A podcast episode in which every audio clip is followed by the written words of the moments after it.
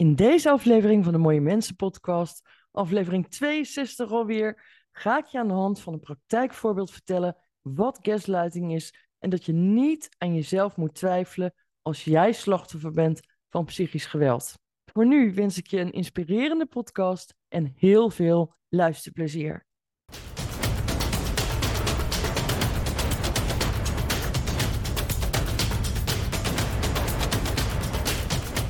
Voor degenen die mij nog niet kennen, mijn naam is Kiki Schepens en ik ben schrijver, spreker en auteur van het boek Sextortion op het spoor.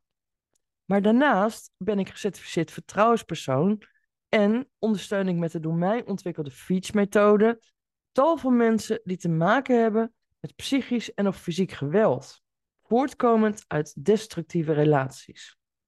En dat kan in de privésfeer zijn, maar ook op de werkvloer. Want mijn expertise is namelijk manipulatie. Nou noemde ik zojuist al even mijn FEACH-methode. FEACH, dat is F-E-A-C-H en dat staat voor Forces, Embracement, Acceptation, Combat en Happiness.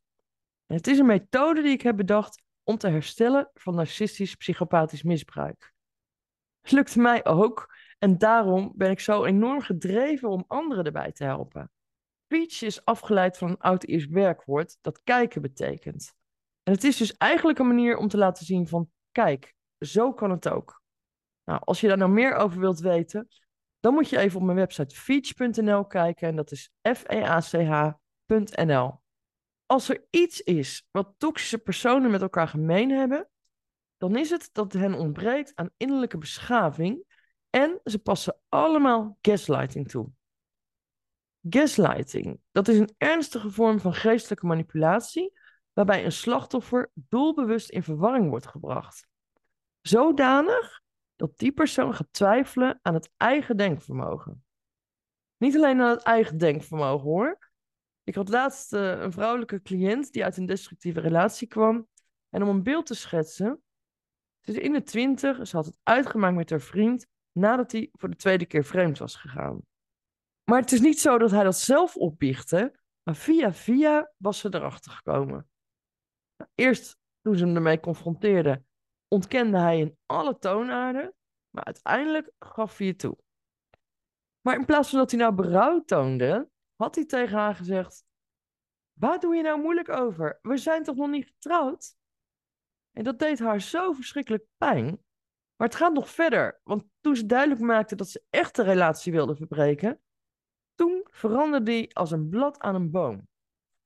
ze kreeg opmerkingen naar de hoofd van, oh, je kunt toch niet beter krijgen, niemand wil jou, en je ziet waanbeelden, en dat soort van die gemene, venijnige opmerkingen.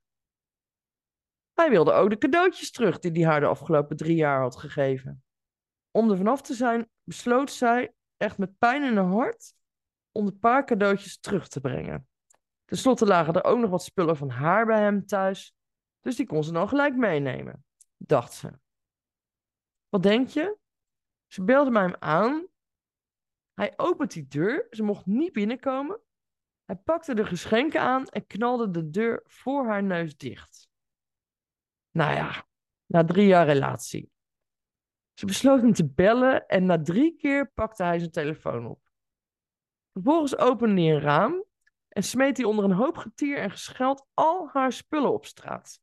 En dat was zo luid dat de buurvrouw zich ermee ging bemoeien. En terwijl ze voorheen altijd een praatje maakte met de buurvrouw, ze had er zelfs een paar keer koffie gedronken, snauwde die vrouw ineens: Zo, jij hebt wel lef, hè? Vuile narcist dat je bent.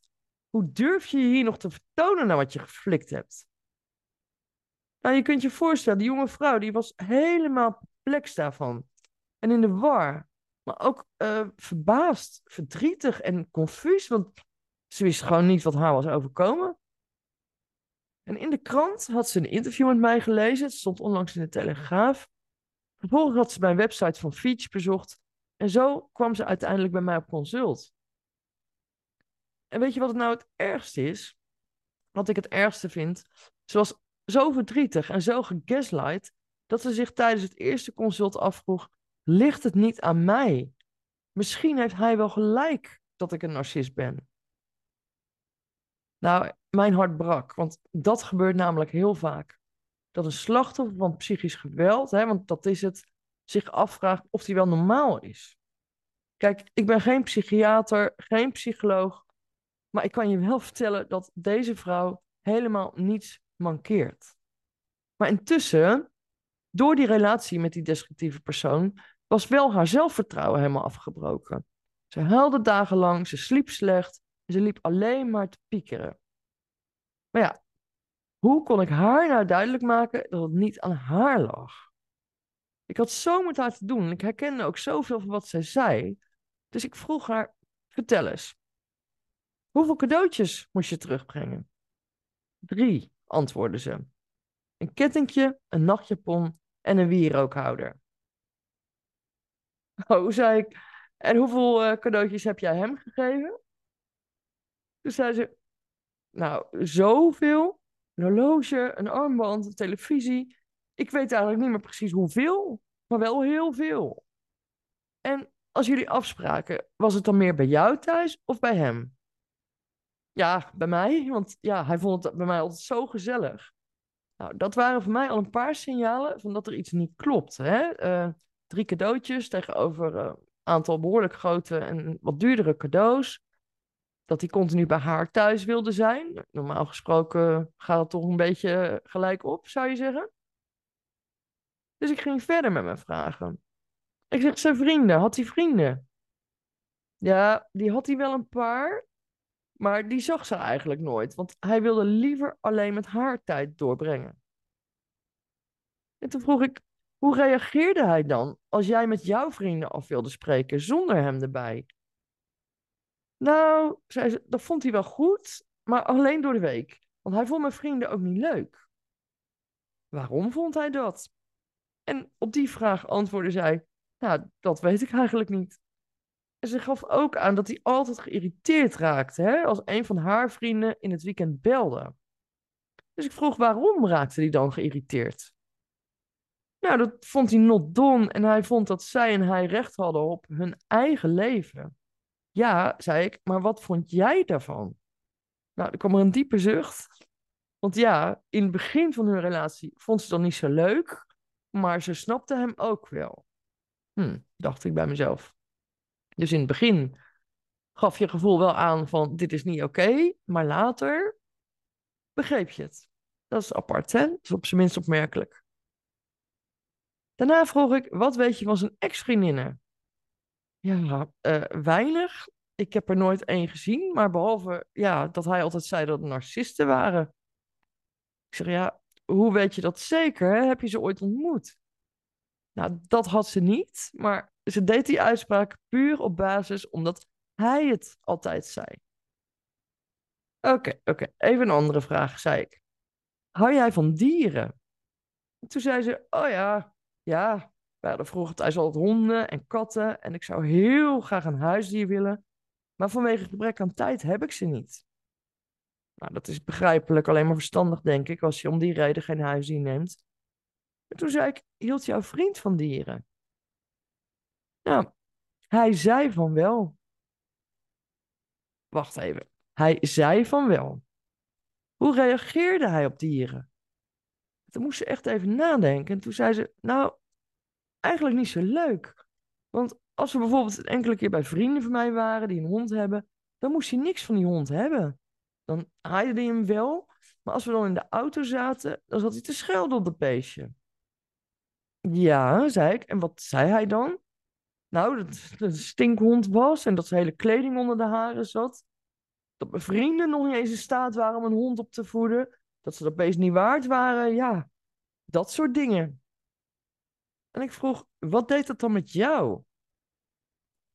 Nou, zij antwoordde dat ze dat heel erg vond. Want ze zei ook van, ja, mijn vrienden hebben een hartstikke lieve hond. En ze zijn er gewoon heel erg goed voor. En daarna, want voor mij was het vrij duidelijk dat het in ieder geval een toxisch persoon is. Toen vroeg ik, heb je nog wel eens contact met hem? Nou, dat had ze niet meer, maar hij was wel begonnen na die avond dat ze bij hem aan de deur stond om haar te stalken. Ze zei, hij stuurde me de ene naar de andere app. Ik werd er niet goed van. Ik zei er niet goed van. wat stuurde hij dan? Nou, dat hij me miste, dat ik cadeautjes had achtergehouden en zo. Dat soort dingen. Maar ik vroeg, ja, maar heb je cadeautjes achtergehouden? Hij zei, nee, nee, nee, ik heb alles teruggegeven. Ik zei, ja, maar op welke momenten belde hij jou en stuurde hij die appjes? En vervolgens zegt ze, ja, nou, heel vaak eigenlijk als ik aan het sporten ben met mijn vriendin of in het weekend, soms midden in de nacht. En dan denk je bij jezelf, tenminste dat denk ik bij mezelf, typisch van die momenten waarop zij het leuk vindt, hè, dat zij leuke dingen aan het doen is, gaat hij haar storen. Maar ik vroeg, nou, wat gebeurde er dan? Nou ja, dan ging mijn telefoon en dan uh, belde hij anoniem en hing die weer op. En toen dacht ik, ja, maar hoe weet je dan zeker dat hij het was? Nou, ze zegt, ja, dat heb ik op een gegeven moment uit laten zoeken bij mijn provider, want ik werd echt niet goed van al die telefoontjes. En uiteindelijk is vast komen te staan dat hij het is geweest die mij steeds belde. En toen dacht ik, ja, maar dit is, die vrouw die heeft gewoon rust nodig. Ik zeg, heb je overwogen om te blokkeren? Dat had ze nog niet, want ze vond dat lastig. Ik zeg, ja, dat begrijp ik, maar je zou het in overweging kunnen nemen. En oh, mijn hart brak weer, want toen zei ze: Ja, ik weet het niet, want het zit gewoon niet in mijn aard om iemand zomaar te blokkeren. Ik zeg: Luister, dat begrijp ik. Al schat ik toch wel in, op basis van wat je me tot nu toe al verteld hebt, dat er best wat redenen zijn om hem te blokkeren. En reden nummer één is dat je rust nodig hebt. En als iemand je die niet geeft, dan moet je die zelf creëren. En dat kun je ook doen door bijvoorbeeld iemand te blokkeren. Waarop zij zei: Ja, ja, ik weet het. Maar dat is wel lastig. Ik zeg: Heb je hem gevraagd om jou met rust te laten? Ja, zegt ze: Ja, dat vraag ik steeds, maar dat doet hij niet. Ja, ook dat snap ik, want hè, mensen willen die controle houden over iemand anders. Ik zeg maar, luister, jullie relatie is over. En onthoud dat alles wat je aandacht geeft, dat groeit. Dus ook het negatieve. En nu even terugkomend op jouw hulpvraag. Want je twijfelt zelf nu of niet jij een narcist bent. Ja, zegt ze. Ik zeg, nou, dat is opvallend. Want als ik het zo beluister, heb jij al die jaren heel veel rekening met hem gehouden. Klopt dat? Ja, ja, zegt ze, ja, eigenlijk altijd. Ik zeg, maar het lijkt alsof je dat nu nog doet. Toen zei ze, hoezo dan? Kijk, en ik geef nu even een beknopte weergave van hoe ons gesprek ging, hè, maar ik zei, nou, als eerste, je vindt het lastig om iemand te blokkeren, terwijl die persoon helemaal niet respectvol met je omgaat. Nee, ja, ja, dat is eigenlijk wel raar, hè? Ik zei, nou, ik vind niet zo gauw iets raar, hè? Ik probeer juist altijd oordeelvrij te blijven. Maar als je dit zo hoort als luisteraar, snap je dan hoe iemand gebrainworst wordt? Hoe een gaslighter te werk gaat? Kijk, in dit geval is het zelfs zo erg dat iemand aan zichzelf gaat twijfelen of ze niet zelf de narcist is in het geheel. Feit alleen al dat iemand zelfreflectie toepast en zich afvraagt of het niet aan haar ligt. Dat zegt al het een en ander over iemand. Want mensen die lijden aan een persoonlijkheidsstoornis, die hebben geen zelfinzicht. Die kunnen niet reflecteren op hun eigen handelen. En bij hen ligt altijd alles aan een ander. En gaslighters, die kunnen veinzen dat ze heel beschaafd zijn en heel beschaafd doen. Ze zijn ook vaak wel bespraakt en charmant. Maar dat is een vertoning. Het is fake. En ja, zie daar maar eens doorheen te prikken. Daarom schrijf ik ook regelmatig over manipulatie en gaslighting. Dat doe ik via mijn blogs, maar ook via Twitter, via mijn Instagram-account van Feach underscore NL. En via dat laatste account, via Instagram, kreeg ik de vraag van volgers hoe het kan dat als je vertelt dat je slachtoffer bent geworden van psychisch geweld, waaronder gaslighting en dus uh, ja, dat psychopathisch narcistisch misbruik, dat je niet geloofd wordt door andere mensen. Nou, daar ga ik dieper op in in Mooie Mensen podcast nummer 63. En ik heb beloofd die vraag te beantwoorden, want Gaslighters kunnen zich voordoen alsof ze geweldig zijn en echt jouw hele bestaan overhoop gooien door hun manipulatieve gedrag. Zodanig dat je aan jezelf gaat twijfelen. En dat is waar ik deze podcast mee af wil sluiten. Twijfel niet aan jezelf. Als jij je herkent in dit beknopte verhaal van deze jonge vrouw, ga niet aan jezelf twijfelen. Ga liever werken aan je herstel en bouw verder aan je toekomst zonder die destructieve persoon. Heb je nou zelf een vraag die je beantwoord wilt zien in mijn podcast? Ga dan even naar mooiemensenpodcast.nl, vul het contactformulier in en dan neem ik jouw vraag misschien wel mee in een volgende podcast. En als je hulp of ondersteuning nodig hebt, weet dat je bij mij terecht kunt voor mijn Feach-methode en dat ik strikt vertrouwelijk met jouw gegevens omga. Want ik ben tenslotte niet voor niks gecertificeerd vertrouwenspersoon. En mijn diensten, ja, die bied ik niet voor niets aan, maar ik deel ze wel gratis via mijn Mooie Mensen podcast, via de website kikischepers.nl en vooral via mijn Instagram account. En op mooiemensenpodcast.nl is de mogelijkheid aanwezig om een donatie te doen. Voel je nooit verplicht, maar als je waardeert wat ik maak en wat ik de eten in strooi, doe dan een kleine donatie. Want daarmee steun je mijn missie om anderen te helpen.